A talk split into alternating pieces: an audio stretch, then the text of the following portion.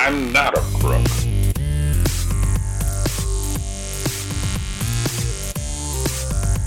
But because they are hard.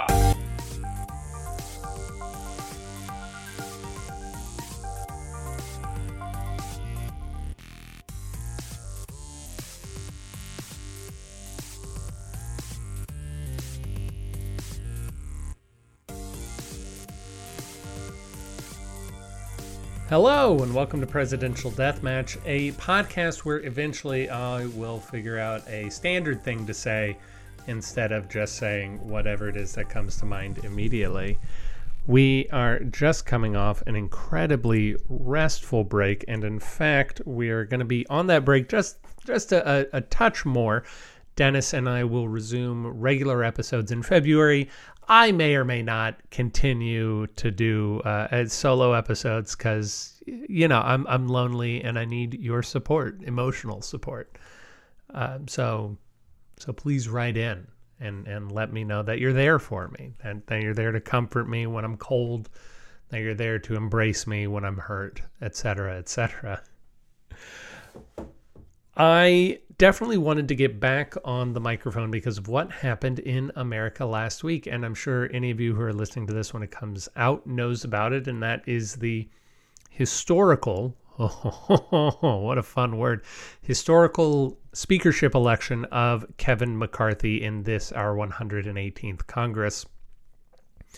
We have a tendency to focus on presidential politics here for a variety of very stupid reasons but the the speakership battle was interesting. Obviously, it focused uh, it it was the main source of news for the entire week. The 15 ballots that it took to elect Kevin McCarthy are the most since the Civil War. And if I remember all of my facts correctly, and I might not, I think this is only the ninth time we've had to go to a second ballot, which seems a little surprising, but uh, but but I think that's what I recall.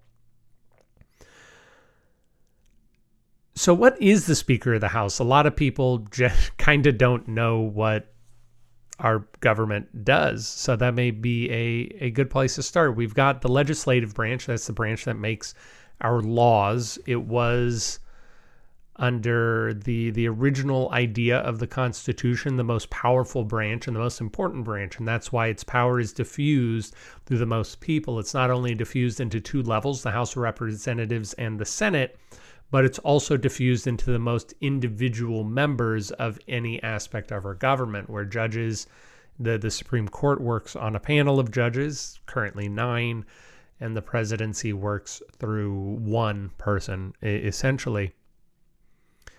So the House of Representatives is the people's branch of the uh, of our government. The the presidency is our executive function. The judiciary is sort of an elite understanding of the law. The Senate is where the states are represented. The House of Representatives is where the people are represented in our democracy, and so it is considered the strongest house in in many respects. And what this means is that the Speaker of the House can generally be thought of as maybe the most powerful person in the country from a from a long-term perspective. It's a role that is not subject to term limits. It's a role that can largely set its own rules.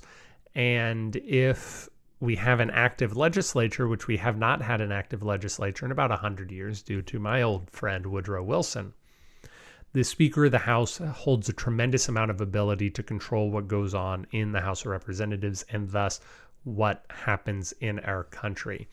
There are any number of things which a majority of Americans want. Let's pull a random example marijuana legislation and legalization which for a variety of reasons doesn't get to the floor. It might not get to the floor because none of the speakers have wanted it thus far. It might not get to the floor because uh, the the speaker is worried about how it, it can be negotiated. But but what it means is that the Speaker of the House, if that person is clever enough to wield their power indirectly, can be the most powerful person in the country and can do it essentially forever. If you don't believe me, you can go ask Mike Madigan, who was the Speaker of the House for Illinois' House of Representatives from 1983 to 2021, essentially unbroken except for a two year period.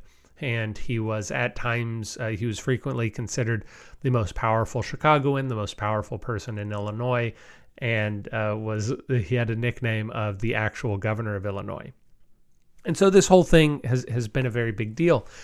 And it, it is perhaps surprising that we haven't had more speakers represented in the presidency. We've only had one Speaker of the House, James K. Polk, who previously was Speaker of the House, uh, make it to the White House. We've only had another three Speakers of the House become major party nominees James G. Blaine, John Bell, and Henry Clay, our, our dearly dear departed friend Henry Clay. And this could be because uh, we I've spoken a lot in the past about our, our unfortunate primacy and focus on the presidency to the exclusion of other types of service. But some people just function better as legislature legislators, people who are thinking through the law and writing the law and negotiating the law, than they do as executives, the sort of middle managers of our world. But we like to focus on that that management aspect of things. And so I, I think that in a lot of ways, people who work to be Speaker of the House and attain Speaker of the House just usually aren't cut out to become president because their brain works in a different way. All that being said, oh, hold on. I also collected, man, I'm a mess. Uh, although those four people I mentioned, James K. Polk, James G. Blaine, John Bell, and Henry Clay, are the only speakers in the House to ever run as a major nominee for president. There are a few former speakers who are notable in presidential politics, among them Howell Cobb, who was Secretary of the Treasury under James Buchanan and also president of the Congressional Confederates. What that means is before the Confederates had the, essentially the equivalent of the Constitutional Convention for the Confederate States of America. Uh, Howell Cobb was the presiding officer over that as well as Vice Presidents Schuyler Colfax and John Nance Garner. Uh, were both former speakers of the House, and actually, interestingly enough, both deposed by the presidents that they served under. So maybe that's something. Uh, of note, and I think that this is just a funny sentence that I found when doing research on on these guys, and it, it really goes to show how far we've come as a country, despite what people will have you believe. The the sentence regarding James K. Polk's tenure as Speaker of the House, unlike many of his peers, he never challenged anyone to a duel, no matter how much they insulted his honor. We don't have time to dive into the implications of that statement, but I do think that it's probably a good thing that uh, when when two representatives, Matt Gaetz and uh, I forget the other one, but he's from Alabama, almost got into an altercation on the House floor last Friday. The reaction was not cheering on on the parts of the representatives, but instead for the honorable congressman from Alabama to offer his resignation on a number of powerful committees, which uh, were apparently rejected. But that's neither here nor there. Uh, so, what are we here to talk about? We're a history podcast, right? We're not a political podcast, so we're not going to talk about the ins and outs of uh, who farted and where about this whole speakership battle. We don't really care about that. We're not really a governance podcast either, so we don't want to look into Mike, uh, Mike McCarthy, Kevin McCarthy's uh, ideals or lack thereof.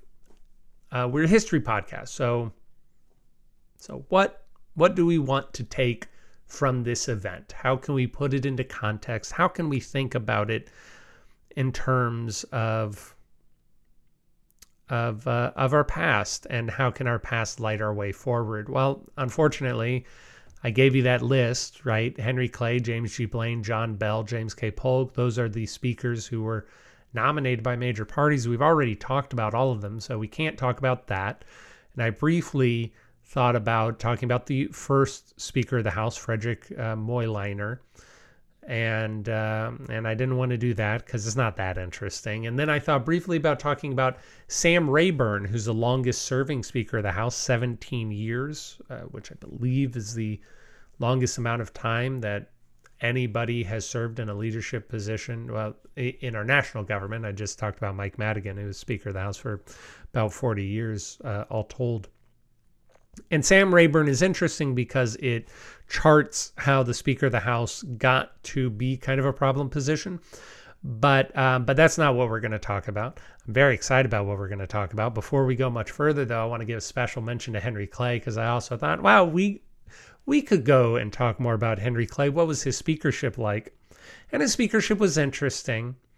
And although Henry Clay lusted after the presidency and is also named as one of America's greatest senators, he was more secure as a member of the House of Representatives and as Speaker of the House than any other position he ever had. And he said, whether regretfully or not, that the House is where he as a person belonged.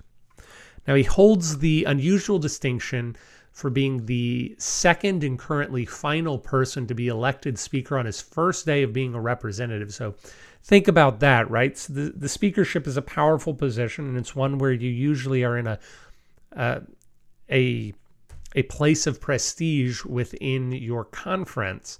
And to imagine that the very first time that you've been elected to the House of Representatives, on the very first day that you report to work, they elect you Speaker of the House. That shows a tremendous amount of uh, of belief in your abilities and respect in who you are. And of course, when Henry Clay was a freshman member of the House of Representatives, he had already been uh, a senator twice.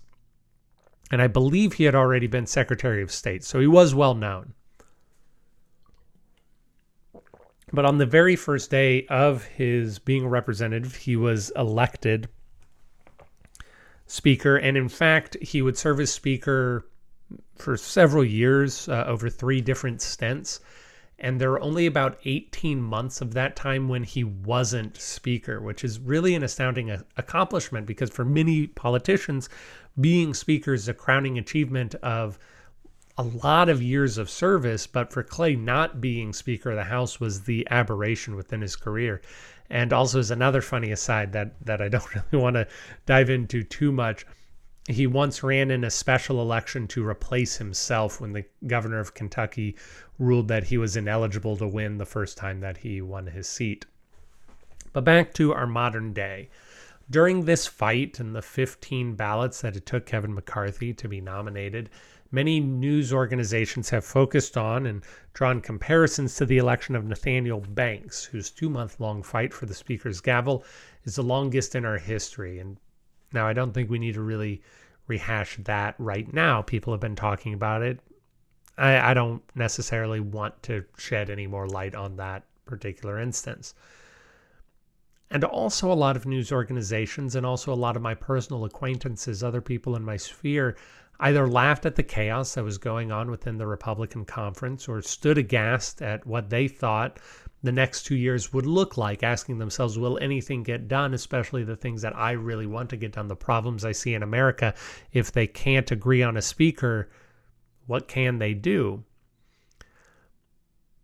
But but why do we feel like that is the important thing? We need to form a government, yes, but why do we assume that the speaker should be elected on the first ballot and that quickly finding order is inherently good within a democratic system. It is inherently a secure thing. It means that people are moving in generally the same direction. And that can bring a certain amount of comfort. And definitely the House needs to move on to other business. But what were the 20 or so Republicans who delayed McCarthy's rise really doing? Now, in some cases, in most cases, they were acting on personal enmity. They just don't like Kevin McCarthy. They don't want him to be Speaker and they want him to know it. And for sure, each and every one of those 20 or so Republicans was seeking to maximize their own power within the House of Representatives. But to maximize their power is to weaken the speakership. And so much of the coverage that I've seen over the last two weeks is saying how McCarthy is going to be the weakest speaker in decades as though it's a good thing that the Speaker of the House controlled all legislation over the last decade or so, two decades even, meaning that the only way that you could do your job in Congress, the job that the people in your district elected you to, was to become one of the three or four people in the main leadership. It's the Speaker of the House, the Majority Leader, the Majority Whip. As though it's a good thing that the Speaker picks committee chairs within the House of Representatives, which locks again all of our representatives into a cycle of having to raise money for the party. And as though it's a good thing that the majority of the House does hardly anything of lasting value because we have bundled all power in the Speaker's office like a mini presidency. I don't think that is our government functioning well. And I honestly think that the steps that they took to weaken the Speaker, whether or not they were doing them for personal gain, is ultimately going to be good and is going to restore us to a place where we were in the late 1800s when America worked really well, I thought, where there was a lot of mess and there was a lot of deliberation but uh, out of that came negotiation, and out of that came slightly less partisan politics than we're having now. So the people who asked for concessions from McCarthy did so for personal reasons.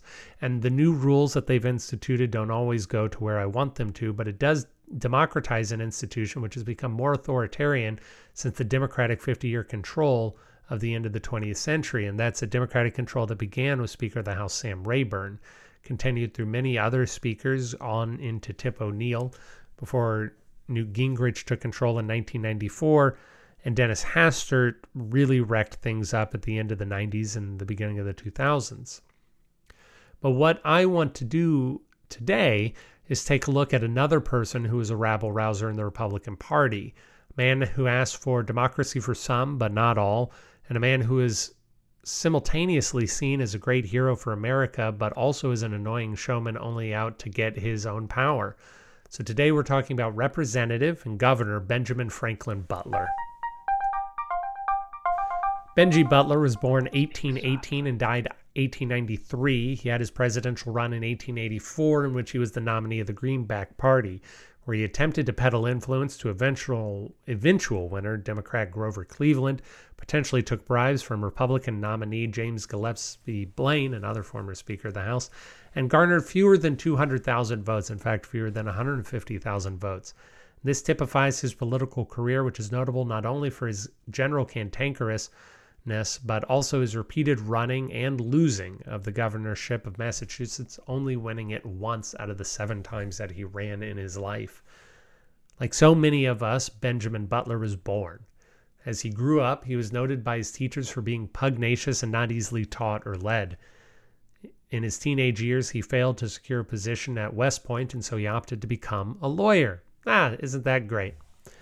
Now, as a lawyer, um, I don't know where everyone's listening from, and uh, I, am sure you've got your own examples. But uh, I'm in Houston, and in Houston, the type of lawyer that Benjamin Butler was is real Jim Adler type, the Texas Hammer. You know, he fights for you. He's he's gonna get yours from the from the corporations or the people who injured you. He, ah ah ah kind of thing. Very aggressive. Benjamin Butler often got press coverage for his aggressive style in representing workers during the burgeoning labor movement of the mid to late 1800s. He gained national attention by advocating the passage of a 10 hour workday, which at the time is less than the average workday that was worked by most, most laborers. And he instituted a 10 hour workday at a mill where he had controlling interest, so he was putting his money where his mouth was. So, although he is may be seen as fighting for for the little guy. He and although he's in Massachusetts, he's a Democrat and he opposed the abolition of slavery. We're going to see that attitude make trouble for Lincoln during the Civil War. His first notable loss is in 1859. That's the first time he runs for governor of Massachusetts. And he lost to um, Nathaniel Banks. Nathaniel Banks. Where have I heard that name before? Many news organizations have focused on and drawn comparisons to the election of Nathaniel Banks, whose two month long fight for the Speaker's gavel is the longest in our history. And history's crazy. Yeah, it's that guy. Huh. Benjamin Butler believed in the necessity of a strong union. And so when it came to the historic election of 1860, he thought the Democrats needed an unparalleled candidate. They just had eight years of bad leadership with the uninspiring Franklin Pierce and James Buchanan still seen as some of the worst presidents we've ever had. We needed someone better. We needed a uniter. We needed someone undeniable by the American people, and Benjamin Butler found that man, Jefferson Davis. He fought hard for Jefferson Davis to be the Democratic nominee for the President of the United States, but ultimately he'd be persuaded to support John Breckinridge, who is the current vice president for the nomination. Now, you recognize both of those men as Confederates. So the two he's the, the two biggest people he supported would ultimately go on to betray the Union. Despite Butler's tolerance for slavery and his support for, of Confederates for office, now might be a good time that he does get the nickname of the butcher when he fights for the Union in the Civil War because he he's generally regarded as perhaps the most notorious individual outside of William Sherman for his harsh treatment of civilians during his military governorship. But we're going to get to that a little bit later. So during this whole debacle, of course, he's a war Democrat. Once Lincoln is elected, once people start seceding, he takes a hardline stance. And he says, no, we need to fight to keep the Union together. He's quoted as saying, I was always a friend of Southern rights, but an enemy of Southern wrongs. And he saw this as a major Southern wrong. During the interregnum of Buchanan and Lincoln, when a secessionist South Carolina delegation came to the Capitol, Butler recommended that they be charged with treason and hung until dead. Now, luckily, Buchanan did what he did best, dither, and uh, those guys didn't get hung. You know. Thank you, James. It's really the only time we can say that to you. Butler eventually loses his faith in the Union bona fides of Davis when Davis, you know, becomes president of the Confederacy. Butler returns and recommends to the Massachusetts governor, who Butler also lost to. This is not Nathaniel Banks. Uh, we're already on to a new Mass governor. That they ready the militia. While he was recommending that they ready the militia to fight for the Union, he also happened to negotiate a really good contract for his textile mill that he would supply the Massachusetts troops uh, and this would make him a lot of money. That's not where most of his money comes from, but we'll again get to that a little bit later. So I I, I want to pause now. This isn't in my script actually, but I began this. What we're talking about is how a self-interested person and a person that is maybe a little scuzzy, maybe not great in all the right ways, how that person can still use the mechanisms of democracy to fight for their own power, and in doing so, accidentally spill power out to other people. Uh, and I gave a brief cursory look over Butler's life, and I thought, yeah, I, I, can write an episode on this topic. But the more that I dug into him, the more that he just became a horrifying figure of destruction, specifically in regards to the Civil War. So it's going to be kind of hard to get through this next section, but trust me, he's going to he is going to do some good stuff once we get on the other side of the war. Now back to the main script. What happens next is so blatantly self interested and underhanded that I need to quote it verbatim from the article I was reading, which I will begin now. When the call for the militia finally arrived in April, Massachusetts was asked for only three regiments, but Butler managed to have the request expanded to include a brigadier general. He telegraphed Secretary of War Simon Cameron, with whom he was acquainted, suggesting that Cameron issue a request for a brigadier and general staff from Massachusetts which soon afterward appeared on Governor Andrews' desk. This is the guy who defeated uh, in the second time that Butler ran for governor. He then used banking contacts, Butler did, to ensure that loans that would be needed to fund the militia operations would be conditioned on his appointment. And despite Andrews' desire to assign the brigadier position to Ebenezer Pierce, the bank insisted on Benjamin Butler, and he was sent south to ensure the Secretary of Transportation routes to Washington. Goodness sake. A war is about to break out. He goes to tell his state, hey, we're going to fight. They're like, okay, thank you. Oh, you're going to need clothes for the troops, right? Yeah, I, I mean, I, I guess so. Hey, I can do that. I can do that. Just sign here, uh, Butler Mill only supplier. Yeah, sure. Okay. Oh, hold on. You're probably going to need like a cool guy to to manage these operations to be an officer yeah i suppose so well can i do that uh all right fine and then he calls up his buddy in washington and says hey massachusetts is doing some great stuff you probably want your next cool guy to come from there and then he calls up a bank to say hey, so listen, Massachusetts is going to need money. Could you do me a solid and tell them you'll only give them money if I'm the one promoted? And all that works out in his favor. Soon after he takes his brigadier generalship post, he becomes the avatar for the ends justify the means as he wields his military force to badger the Maryland legislature to stay in the Union. He rushes his men to take unarmed fortifications against orders, and he uses escaped slaves from the South as laborers, designating them as war contraband. Now, all of this is pretty disappointing, but what's even more disappointing is that Lincoln and his cabinet decided to adopt that position that slaves are war contraband as the official Army and later Navy stance, which gets Lincoln into trouble with some radical Republicans. And also, you know, they're people.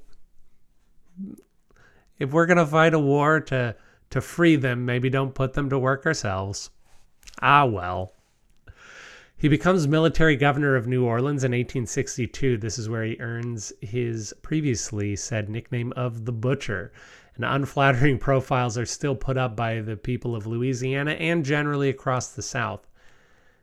During his time as military governor, he developed welfare programs for the poor, but required intense oaths of loyalty to the Union before people could take advantage of those welfare programs. He said that Jews betrayed the Union because betraying people was in their nature.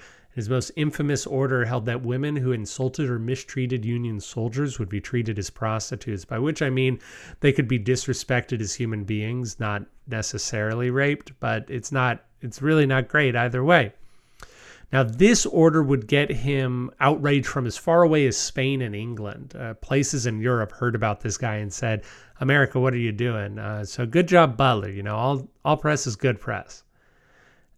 I'm not listing everything that he he did as military governor, or even everything that he did while he was in the Civil War. It is massive, and just imagine the the worst corruption you can, and and that's in the ballpark. He really was not a good good steward of the public trust. But all of this intense stuff actually makes him pretty popular in the North because the North is irritated that they're having to fight this war. And the North is irritated that they have to pretend that they like black people. But, uh, but Lincoln begins to get a little bit concerned and he replaces Butler as military governor of New Orleans with this uh, guy named Nathaniel Banks. Hold on a second. Nathaniel Banks. Um, where where have I heard that name before? Many news organizations have focused on and drawn comparisons to the election of Nathaniel Banks, whose two month long fight for the Speaker's gavel is the longest in our history. Yeah, that's right. History. It's crazy. So, why are we talking about Butler again? Yes. The benefits which can be accrued by everyone with self interested power grabbers seek to improve their own position. And it's coming, guys. I promise you that argument's coming soon. Let, let's find our way back to that. What happens after the war? Well, during the war, we're still there. His actions make him popular with the radical Republicans. And as I'm sure everyone in the audience knows, whenever you're associated with someone called the radical Republicans, you're in good company, right? So the radical Republicans are people who, prior to the Civil War, wanted an immediate, unconditional, uncompensated end to slavery. These are the people who said, "We're going to free everybody now. It's going to. It, we don't really care how the South reacts to it. What they're doing is wrong, and it needs to be stopped." During and after the Civil War, this same group of radical Republicans pushed for harsh penalties for Confederates, including prohibiting them from holding office, and they're generally the folks who made Reconstruction harder than it needed to be.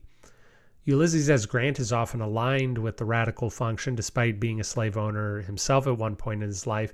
Other prominent radical Republicans are Thaddeus Stevens, he's the guy that Tommy Lee Jones played in Steven Spielberg's Lincoln, and Salmon P. Chase, who's a regular a regular appearance on this program these days. These Republicans generally hated Lincoln. They also hated Andrew Johnson, and they controlled Congress from 1864 until the end of Reconstruction when, when they split into the stalwarts and the half breeds. Butler saw which way the winds were blowing. He saw where the political power was, especially in the North. Despite being a lifelong Democrat and not theoretically too keen on anti slavery, at least not as a few years earlier, he, he switches and becomes a radical Republican. After a tremendous boondoggle during the Civil War at Fort Fisher, where Butler demonstrated some remarkable Butler esque tendencies, he was relieved of command and discharged from the Army. He was trying to figure out what he wanted to do, and he hoped that he'd be appointed as the military prosecutor of Jefferson Davis when the time came. This guy is really loyal, you know. The one thing you can say about him is that he sticks by his friends. Here's a little historical mystery that I found out while reading about this dude. We know that Lincoln and Butler met just a couple of days before Lincoln's death but we don't actually know what they talk, talked about. A few years later, Benjamin Butler claimed that Lincoln asked him to start putting together a force to go recolonize Panama, but we don't know, and I'm not going to take Butler's word for it, honestly. Through vigorous war profiteering, Benjamin Butler made himself a rich man and he could buy his way back into God's good graces the way it's meant to be. He gave farms to black Americans. He sponsored scholarships for black Americans to prominent universities. And he worked at the National Home for Disabled Volunteer Soldiers. While scratching around for a new job in the Johnson administration and telling Andrew Johnson that Robert E. Lee could be tried for treason despite what Grant promised him during surrender, Butler argued a consequential case in front of the Supreme Court, Ex parte Milligan. We talked about this case a little bit when we talked about presidential pardons a couple years ago. But the basic upshot was that uh, the Supreme Court found that civilians couldn't be tried by military tribunals. It's a really good thing. I don't want to be put up as, as a regular old citizen of America. I don't want to be put up as a military tribunal and held to that standard. Butler disagreed. He was on the other side of the issue. He he thought that was perfectly fine. So finally, guys, finally, finally, 50 years, something he does something good. In 1867, he's elected to the House of Representatives on a platform of women's suffrage, civil rights, and an eight-hour workday. Also, he wanted to impeach Andrew Johnson. Really, he just wanted to impeach Andrew Johnson. Most of his energy went to Andrew Johnson uh, who again is the guy who wouldn't give him a job, but he's also totally for women's suffrage, civil rights, and eight-hour workday. And I know I'm sound, sounding sarcastic, uh, but uh, but but he, he really is. He actually does believe in these things, and we'll talk about that in a moment.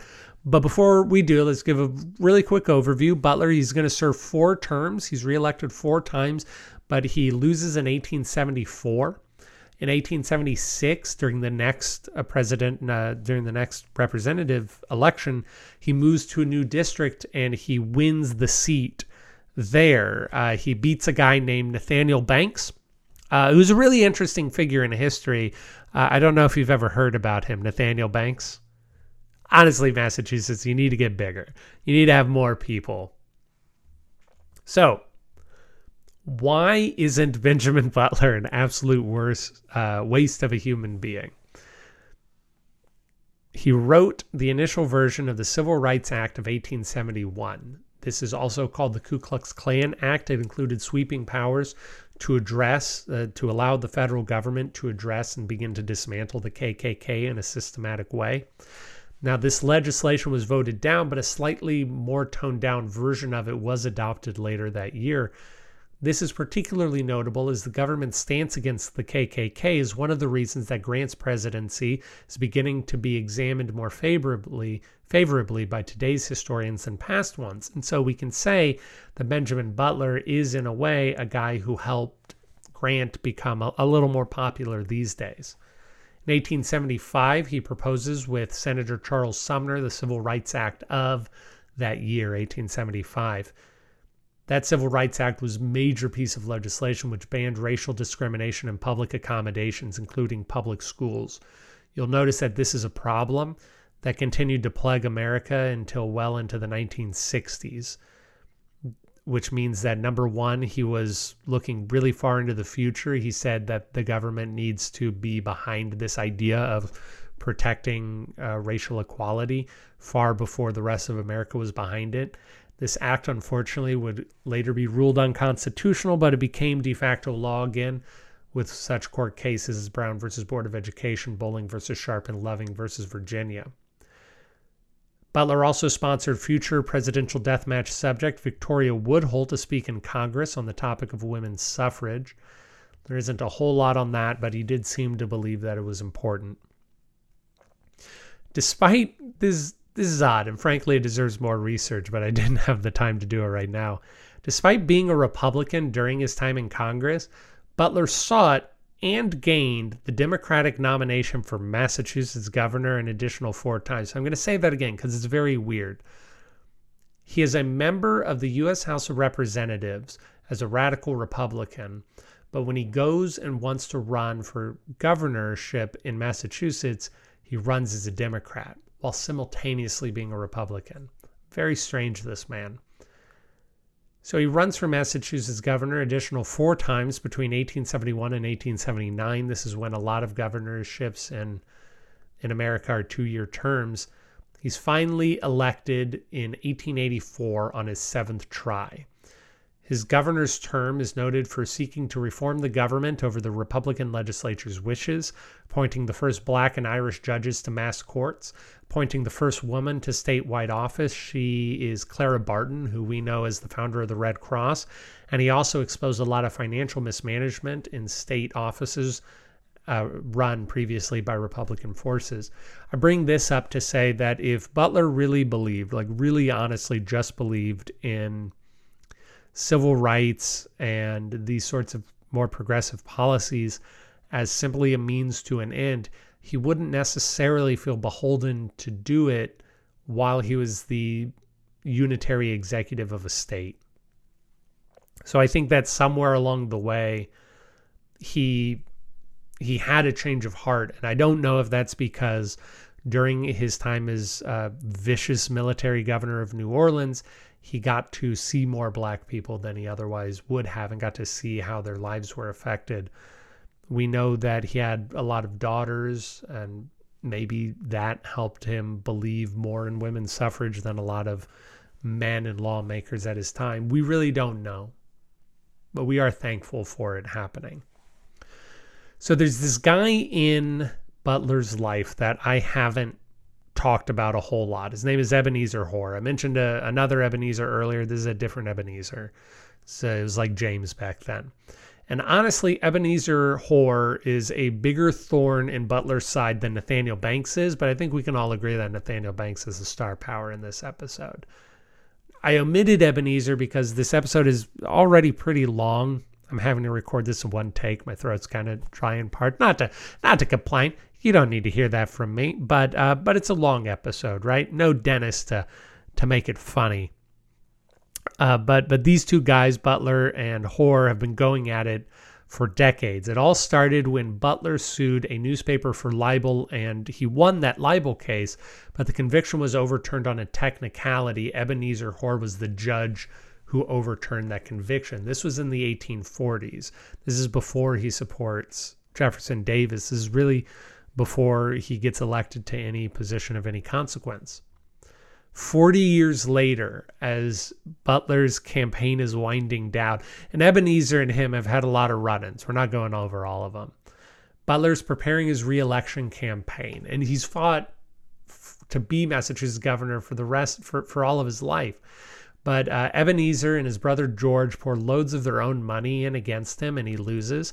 And then to add salt in the wound, it is customary from Harvard at this time to give honorary degrees to all Massachusetts governors. But Ebenezer is on the board at Harvard, and he denies Butler the honorary degree, uh, which which is a nice, nice sad ending.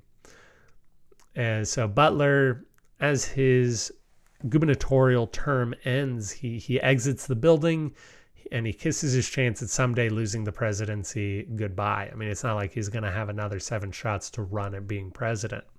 But that's not how it ends. It's not how his story ends. We're still in the early 80s. Butler argues a case in front of the Supreme Court, but this time he wins. Good for you, Butler. You're on an upswing, buddy. The court announces that the government has the right to issue paper currency and greenback currency in the case Juilliard versus Greenman, which I think is a little on the nose for the Supreme Court, frankly. This reignites the attention of the nascent Greenback Party, and the Greenback Party did often support Butler in his gubernatorial election, so they, they have some commonalities there.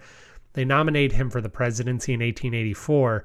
As I said at the beginning of the episode, Butler tries to take this Greenback nomination and tell the Democratic Party, hey, they nominated me. Why don't you too? That doesn't work. He tries to go to Grover Cleveland, the actual nominee, to accept the Green Black, Greenback platform in return for his support and presumably a patronage position. That fails. And then, in a very weird scheme that I frankly don't fully understand, he takes money to appear on the ballot with Republicans, which a lot of people consider bribes, and the press just excoriates him for it. He would later go on to die. La di da. What can be made of this life, Benjamin Franklin Butler's? According to his biographer, Butler was one of the most. Actually, hold on. I need to take that again because this is a quote. This isn't me summarizing, this is from his biographer. Butler was one of the most controversial 19th century American politicians, a demagogue, speculator, military bungler, and sharp legal practitioner he was all of these, and he was also a fearless advocate of justice for the downtrodden, a resourceful military administrator, and an astonishing innovator. He was passionately hated and equally strongly admired, and if the South called him Beast, his constituents in Massachusetts were fascinated by him. As a leading advocate of radical Reconstruction, Butler played an important role in the conflict between President and Congress. His effectiveness was marred by the frequency with which he engaged in personal altercations, and his conduct as one of the principal managers of the impeachment trial of Andrew Johnson. Andrew Johnson was dubious. Nevertheless, he deserves recognition as a persistent critic of Southern terrorism and as one of the chief authors of the Civil Rights Act of 1875. Black newspapers eulogized him consistently as a friend of the colored race, quote, a staunch and enthusiastic advocate of black progress, and one of the few American statesmen who have stood as a wall of defense in favor of equal rights for all American citizens. The New England Torchlight put it simply the white South hated him, the black South loved him.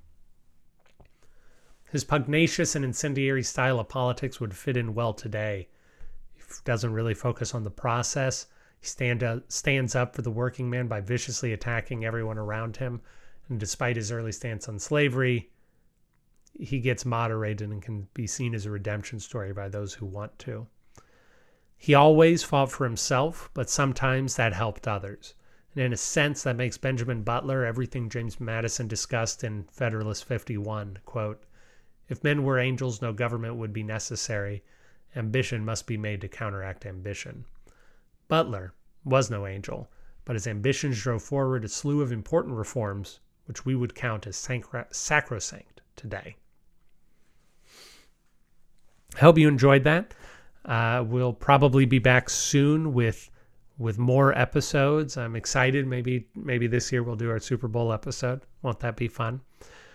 A quick word. We're going to talk about this more in an episode, which is cleverly disguised around this topic.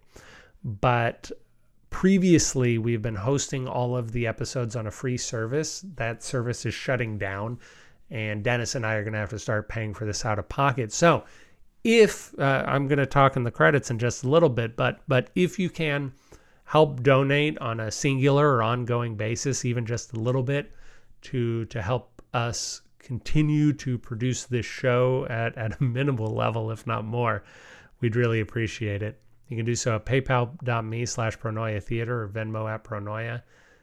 If you have another way you want to give us money, we'll certainly work to make it easy for you. Until then, goodbye.